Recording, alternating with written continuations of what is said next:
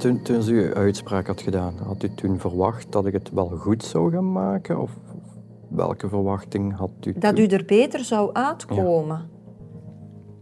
Bent u dan op zo'n moment er ook mee bezig? Of, Nee. Want u had nu eh, toegestemd met het gesprek hè, tussen ons. Ja. Dus u bent wel nieuwsgierig naar hoe Ja, ik het heel nu, nieuwsgierig. nu, nu ja. maak.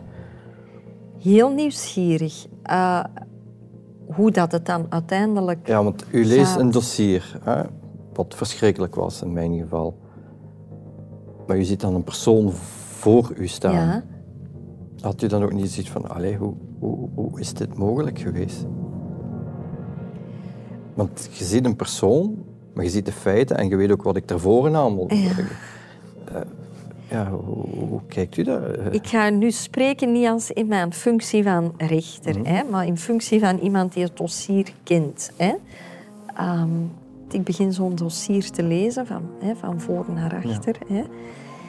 En terwijl ik het dossier aan het lezen ben, ik weet dan natuurlijk hoe het verhaal eindigt, heb ik heel de tijd gevoeld dat het niet goed ging eindigen.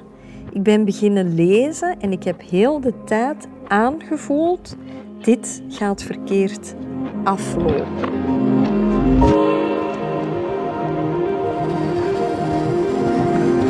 Dit is De Rechtbank na de feiten. Een podcast die begint waar het verhaal meestal eindigt. Na de feiten. Na de veroordeling. Na de straf. Hoe gaan de dingen daarna verder?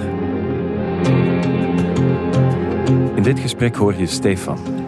Ik hoop dat mevrouw de rechter mij bekijkt als een gewoon persoon. Hij gaat in gesprek met Ariane Braccio, de rechter die hem veroordeeld heeft tot een lange gevangenisstraf.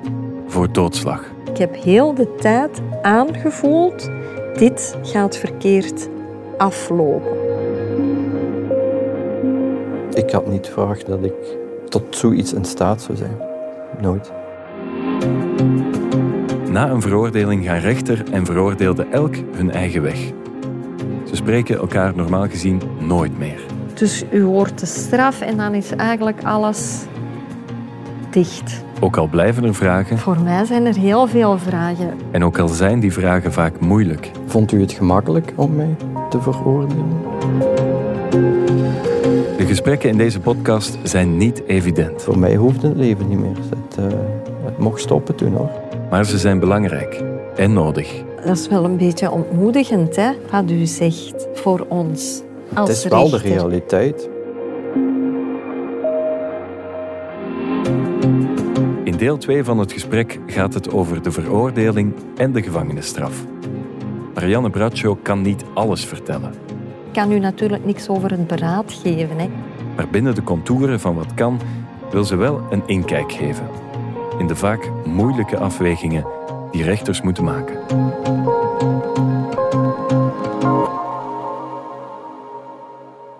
Vond u het gemakkelijk om mij te veroordelen?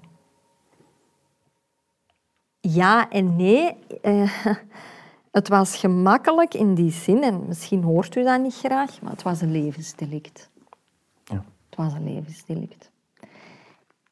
In welke omstandigheden ook. Is gewoon het zwaarste misdrijf dat we kennen hè, in ons strafwetboek. Met dat verschil dat er geen voorbedachtheid was, maar goed.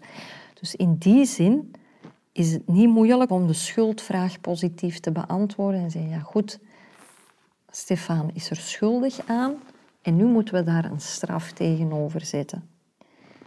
U bent uiteindelijk veroordeeld tot 17 jaar. Ja. Ik weet niet meer wat dat de vordering van het Openbaar Ministerie was. Weet u dat nog? 20, die maximalige vraag. Hebben die 20 jaar gehad? Dat wist ik dus niet meer. En dan houdt u op dat moment eh, al rekening met eventuele een derde vrijheid? Nee. Nee? Nee. Nee. Nee. Ehm, strafuitvoering is iets, vanaf het ogenblik dat wij ons vonnis uitspreken, is het voor ons gedaan. Wij weten niet wat dat er daarna gebeurt. Naar welke gevangenis u gaat, eh, wanneer u precies in aanmerking komt voor uw verzoek tot vrijlating in te dienen. Ehm, wat de strafuitvoeringsrechtbank zal beslissen, dat is voor ons één blinde vlek. Dus ik houd daar, ik weet niet, misschien zijn er collega's die dat wel doen, hè? ik houd daar geen rekening mee. Het was een levensdelict, dat is heel duidelijk een zwaarste misdrijf dat we kennen in ons strafwetboek. Dus in dat opzicht was het niet moeilijk. Maar goed, en ik moet dat heel vaak zeggen, iedereen die betrokken is in een procedure heeft maar één belang en dat is zijn eigen belang. Dus voor een slachtoffer is het eigen belang een zo hoog mogelijke straf. Voor een beklaagde is het eigen belang, denk ik, een zo laag mogelijke straf. En voor de procureur is het een maatschappelijk correcte straf. En dus wij kunnen nooit zeggen, we gaan alleen rekening houden met wat een slachtoffer wil, of wat een beklaagde wil, of wat dat de procureur namens de maatschappij wil. Wij moeten met al die factoren rekening houden om tot een evenwichtige beslissing te komen. Want anders zouden wij ook geen rechter zijn. En, en wat betekent dat onder andere voor het slachtoffer? Met wat houden wij rekening? Welk leed is er veroorzaakt? Hè? We weten allemaal dat in dit geval dat een mevrouw was met veel problemen, hè, uh, maar waar ook nog wel een kind was. Het is ook definitief onmogelijk geworden voor dat kind om ooit nog een affectieve band met de mama te hebben. Hè. Ja, dus dat is hè, hard. Hè, Daar houden we rekening mee. Dat is... Maar uw belang, waar wij rekening mee houden bij een beoordeling over een straf, en dat staat ook gewoon in elk vonnis, is uh, uw gunstig strafblad. U had geen noemenswaardige problemen. Hè? Er waren geen schulden. U had werk. Uw werkgever was u heel gunstig gezind. Uw werkmakkers waren u heel gunstig gezind. Uh, er waren geen noemenswaardige andere sociale uh, problemen of familiale problemen. Uh, uw leeftijd ook, ja, jong. Dus uw schuldinzicht toch wel. Ik heb u ervaren op de zitting als iemand met heel veel schuldinzicht en oprechte spijt. Dat klopt. Ja, dat heb ik. En ik denk dat na al die jaren ik het verschil kan duiden tussen wanneer het oprecht is en niet oprecht is. Uh, dus eigenlijk kortom, uw persoonlijkheid. Dus daar houden wij ook rekening mee. En dan kom je tot een straf van 17 jaar, uh, waarbij wij geen rekening hebben gehouden met na een derde is er de mogelijkheid om vervroegd vrij te komen. Maar u heeft het toch uitgesproken in uw vonnis? Wat heb ik uitgesproken? Hoe heeft u het net gezegd? Uh, als ik mij zou laten begeleiden, me zou herpakken, ja. dat ik dan een tweede kans zou krijgen. Ja. Dan, heb je, ja, dan vermoed ik toch dat u dan op dat moment wel, wel opteert naar de een derde niet. En dat nee. u niet gaat zeggen van na 17 jaar gaat u nog een tweede kans krijgen. Nee, in Want dan is het leven ook voorbij. Hè? Ja, ja, ja, ja, natuurlijk. Ja, ja indirect dan misschien. Maar u, u, u, bent nog altijd jong, maar u was toen zeker jong. Um, ehm, 17 jaar is een straf die perspectief biedt. Uh, ja, zo heeft u het ook op de zitting gezegd. Voilà. Ja, klopt. Kijk. Um, en misschien in ons achterhoofd zal er dan wel zitten van, van ja goed, in België zit niemand zijn gevangenisstraf volledig uit tenzij je een recidivist bent of, of een, een, een, onverbeterlijke of een hele gevaarlijke, weet ik wat. Ik zeg het, met strafuitvoering hebben wij weinig, tot onze grote spijt natuurlijk, uh, maar daar hebben wij weinig zicht op. Maar 17 jaar was een straf die nog perspectief gaf. Dat, ja, denk ik inderdaad wel. Perspectief. Dat is wat de rechtbank Stefan wil geven. Maar wat de rechtbank uitspreekt is een vonnis. Een straf. Een getal. 17 jaar. Voor Stefan is dat op dat moment een half leven.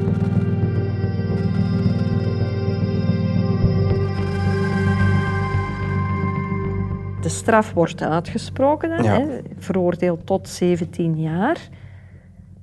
Ja, wat gaat er dan door u heen op die moment? Op dat moment, wat ik zeg, een, een waas van, ja, dat is lang. Hè. Op zo'n moment, ja, dat was echt zo van 17 jaar. Ja, ja. Dus... Was u verrast toch nog door die 17 jaar? Maar ik was al blij dat het geen 20 was natuurlijk ook. Dus, uh... dus u hoort de straf en dan is eigenlijk alles dicht. Ja, er ging een soort waas. Zo. Ik hoorde op dat moment niks meer. En, en, en ja, ik zat echt 17 jaar, 17 jaar in de, gevangenis. Uh, hoe, ga, hoe ga ik daar doorkomen? Zo zeiden eigenlijk al wat bezig dan op dat moment. Dus alles wat u daarna nog vermaald heeft, daar heb ik dus niks van binnengekregen. Want ja, het, is moeilijk geweest voor mij ook. En, en zeker de aanvaarding van wat ik gedaan heb. De straf op zich, dat boeide mij eigenlijk zo niet. Maar hetgeen wat ik gedaan heb, die aanvaarding, die is veel harder hoor.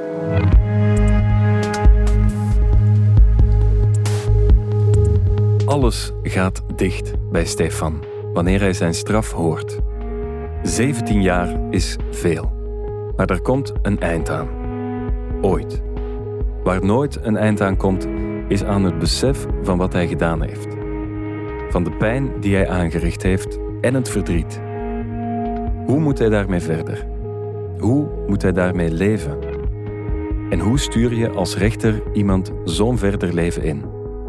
Als wij iemand zwaar straffen, uh, is het altijd mijn gewoonte geweest om dan inderdaad de veroordeelde dan op die moment toe te spreken. En inderdaad te benadrukken uh, dat er, uh, zoals in uw geval, nog licht was hè, aan het eind van de tunnel. Ja, die zijn me altijd bijgebleven. Ja? Die ene zin, ja. Ja, dat... Ja, maar ik vind dat heel belangrijk om te weten. Het was ook net of u mij zo op dat moment zo'n ruggensteuntje gaf van maak er, maak er nog iets van. Zo. Dat is wel de bedoeling, daarom zeggen ja, wij dat natuurlijk ik heb er, ook. Daarmee, die zin is me heel, heel, heel goed bijgebleven. En, eh, en ook dat, als, een rechter zo'n uitspraak doet, bij mij kwam dat toch hoog. Het is zo dat, denk ik, bij justitie iedereen altijd een tweede kans krijgt. Niemand, zo ervaar ik het toch niet, zal bij een eerste misdrijf onmiddellijk ehm, een straf krijgen waarbij elk perspectief ontnomen wordt. Dat geloof ik niet. Er zijn natuurlijk uitzonderingen op die regel. Hè. Uh, maar dat zou ons nu te ver brengen om het daarover te hebben, denk ik. Uh, maar in de regel moet een straf perspectief bieden. Dat is zo. Zeker voor nog jonge mensen, zeker voor mensen die geen recidivist zijn. Um, ergens moet er nog licht aan het einde van de tunnel uh, branden, want anders is alle hoop weg en dan, dan stopt het. Hè? Ja. Een rechter is dan toch nog menselijk. Had u, ja, wat had u gedacht van niet? Of? Dat is toch straf? Wat ik er daarbij voor moet stellen, weet ik niet. Maar ik weet in ieder geval dat het niet gemaakt ik, ik zou het niet kunnen. Nee. Want ja, u moet zich toch... U treedt toch in een ander persoon? Ja, ja, dat is ook absoluut zo. Ah, zo zie ik dat toch voor ja, ja. mij. Als ik mijn toga aantrek, dan ben ik alleen nog rechter. Ja. ja. ja. En dan, dan oordeel ik alleen nog... Is dat uh, gemakkelijk? Wel, ja, je leert dat, ja. Ja, dat is makkelijk. Mij gaat dat makkelijk af, ja omdat ik dat natuurlijk ook al heel lang doe en de ervaring daarin heb. Tuurlijk. En dan kan je zeggen, ja, maar als u begon, had u toch die ervaring niet. Maar je begint nooit alleen zetelend. He, zoals toen ook zitten er twee naast dat mij. Dat zijn gewoon gaan werken. Ja, je... ja, je wordt bij iemand bijgezet ja. en gaandeweg leer je dat. Dus voor mij is dat makkelijk ondertussen, ja. Beroepsrechters kunnen heel gemakkelijk kaf van koren onderscheiden, details van hoofdzaak onderscheiden. Wij leren ook een strafdossier lezen, de inhoud daarvan. We zijn ervoor opgeleid en we doen het al, al ik doe het al heel lang. Dus, uh, dus het gaat mij makkelijk af. Ja, ik, kan, ik ga daar niet over liegen. Dat is misschien geen sympathiek antwoord, maar uh, ik heb geen moeite om strafdossiers te, te inhoudelijk te beoordelen. Uh, en daar de juiste, naar mijn aanvoelen, de juiste gevolgen aan te knopen. Ja. Gevolgen. Dat kan Ariane Bradshaw aan een strafdossier vastknopen. Dat doet ze ook. Stefan gaat niet in beroep. Hij aanvaardt zijn straf en hij leeft met de gevolgen. Maar wat houdt dat concreet in? Dat is voor Ariane Bradshaw als rechter een blinde vlek. En daar is ze dus heel nieuwsgierig naar. Ja, ik kan mij niet inbeelden hoe dat, dat eraan toe gaat in de gevangenis. Word je daar opgenomen in een bepaalde gemeenschap tussen haakjes? Uh, maak je daar vrienden? Zit je alleen op een cel? Ik weet het niet. Hoe... Ik ben binnengekomen, heeft men mij onmiddellijk op een duocel gelegd. Dus lig je met tweeën. Uh, je hebt ook een quattrozaal, dus dat is je met vieren. Maar je hebt ook uh, enkelzalen dan. Dat moet je aanvragen. En dan heb je een wachtlijst van een aantal maanden. En op het moment dat er iemand weggaat, ja, dan komt er een cel vrij. Dan kan er iemand op een cel alleen gaan. Ik heb dat dus ook onmiddellijk aangevraagd. Ja. Voor, gewoon, voor, voor alleen te zijn. Ja, ja dat begrijp ik nu wel. Ja. Het samenleven met een vreemde, dat is, ja, dat is niet ja, iedereen op een paar gegeven, dus- vierkante meter. Hè? Ja, klopt. Ja. Cellen zijn maar klein, ja. ja. Drie, ja, drie meter zeker, op, op vier misschien. Dus uh, ja, ik heb mij afzijdig gehouden. Uh, ik denk dat er dik 80% voor drugsdelicten zitten. Ja. En er is heel veel drugs uh, aanwezig. Ik weet niet of u daar weet van heeft.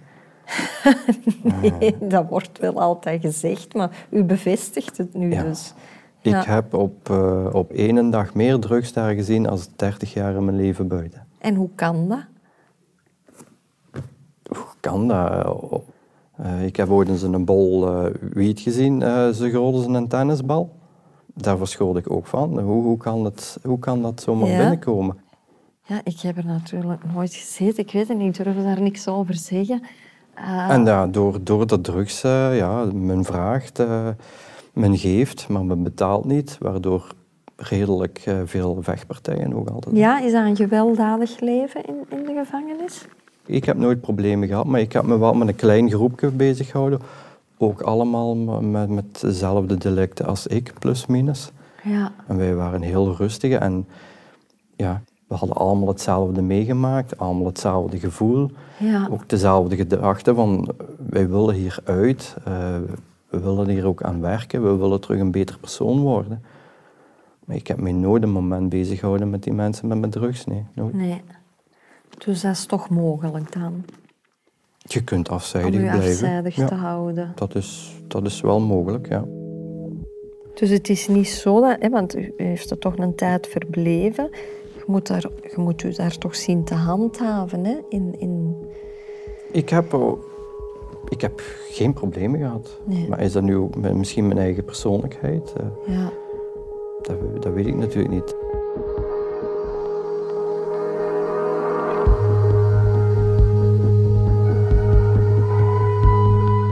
Maar u zegt mij, ik ben, ik ben veranderd. Hè. Vroeger was ik veel, veel impulsiever, ook agressiever. Ik dronk ook meer. Nu ben ik dat allemaal niet. Heeft, heeft de gevangenis u dan toch... Is, er dan, is uit die straf dan toch iets goed gekomen? Bij mij wel, ja. Ik heb Toch? tijd gehad om, om te denken. Ik, ik heb mijn leven enkele malen opnieuw beleefd. En dan proberen fouten te zien. Wat- dit had anders gekund, dat had anders gekund. Dus ik ben er wel effectief mee bezig geweest. ja. De gevangenis confronteert Stefan met zichzelf. En met wat hij gedaan heeft. En dat is heftig. Een tijd lang wil hij uit het leven stappen. Dat vertelde hij eerder in deze podcast. Hij zoekt hulp. Voor het eerst in zijn leven. Ik had een psycholoog, daar ging ik dus om de twee weken, al drie weken naartoe. En die heeft mij er toch eh, heel doorgeholpen. Het traject dat je in de gevangenis kan afleggen, Ja, dat helpt. ja dat helpt.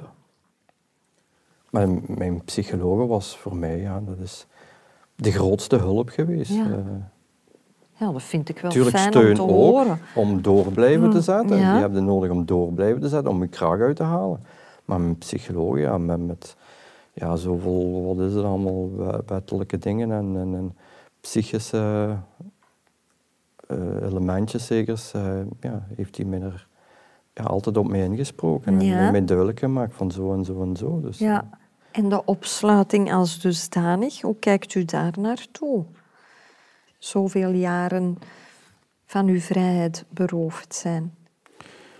Ik heb, ik heb veel kunnen nadenken. Ik heb mijn leven terug op de rails kunnen zetten.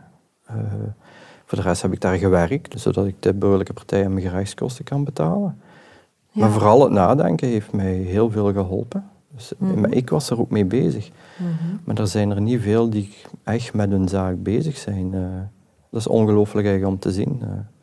Die, eh, het boeit hen ook niet. Ja, want u heeft daar nu hè, u heeft een aantal jaren verbleven in de gevangenis. Is ons idee dat opsluiting een gepaste reactie is op een, hè, op een misdrijf, een lange opsluiting hè, eventueel? Hebben wij het mis als wij denken dat dat eh, helpt of gepast is? Men moet bezig zijn met de gedetineerden, maar men is niet bezig met de Ja. gedetineerden. En daar wringt het schoentje. Ja, Want voor hetzelfde geld, eh, ik ben naar de gevangenis gegaan. Voor hetzelfde geld heb ik me daar gewoon 17 jaar opgesloten in mijn kamertje, zal ik maar zeggen. ja, Hoe denkt u dan dat ik op dat moment zou buiten komen? ja. dat Niet is, meer als eh, persoon, maar dan zou ik echt buiten komen als een flink beest. Hè.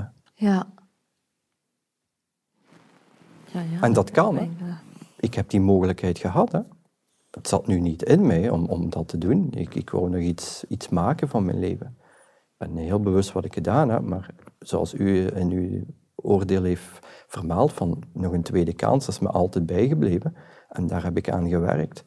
Om die tweede kans met beide handen te grijpen. mhm. Maar wie is zo gemotiveerd in de gevangenis? Weinigen hoor. Echt weinigen. Dat is, wel, dat is wel een beetje ontmoedigend, hè, wat u zegt voor ons als Het is wel de realiteit. Maar dat Ja. weten de mensen buiten niet. Mm, Want wij verwachten toch dat een gevangenisstraf ertoe leidt dat er nadien geen nieuwe feiten worden gepleegd. Hè? Die kans, vergeet dat maar. Ja, Als je een slecht persoon voor je hebt, die komt buiten en die is nog één erger. Want die heeft zoveel jaar kunnen nadenken van wat ga ik nu doen. ja.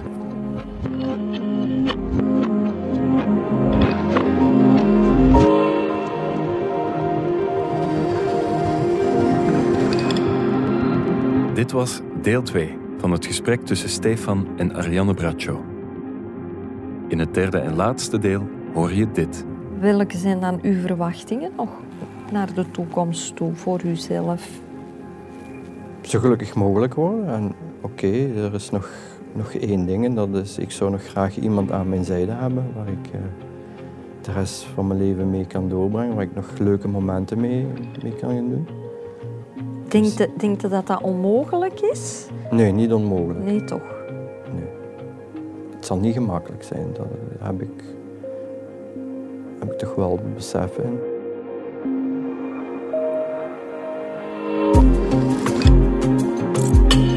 De rechtbank na de feiten is een podcast van Woestijnvis en uitgesproken voor GoPlay en het Nieuwsblad.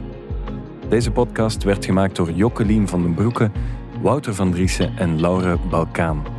De opnames gebeurden door Juri Verspecht. De inleesstem was van mezelf, Joris Brijs. Muziek, sounddesign, eindmontage en mix zijn van Jordan Hudson. Grote dank ook aan Hazel Plezier, Anne Dieudonné, Karel Dirks en Annick Sterks. In deze podcast kwam zelfdoding ter sprake. Heb je nood aan een gesprek?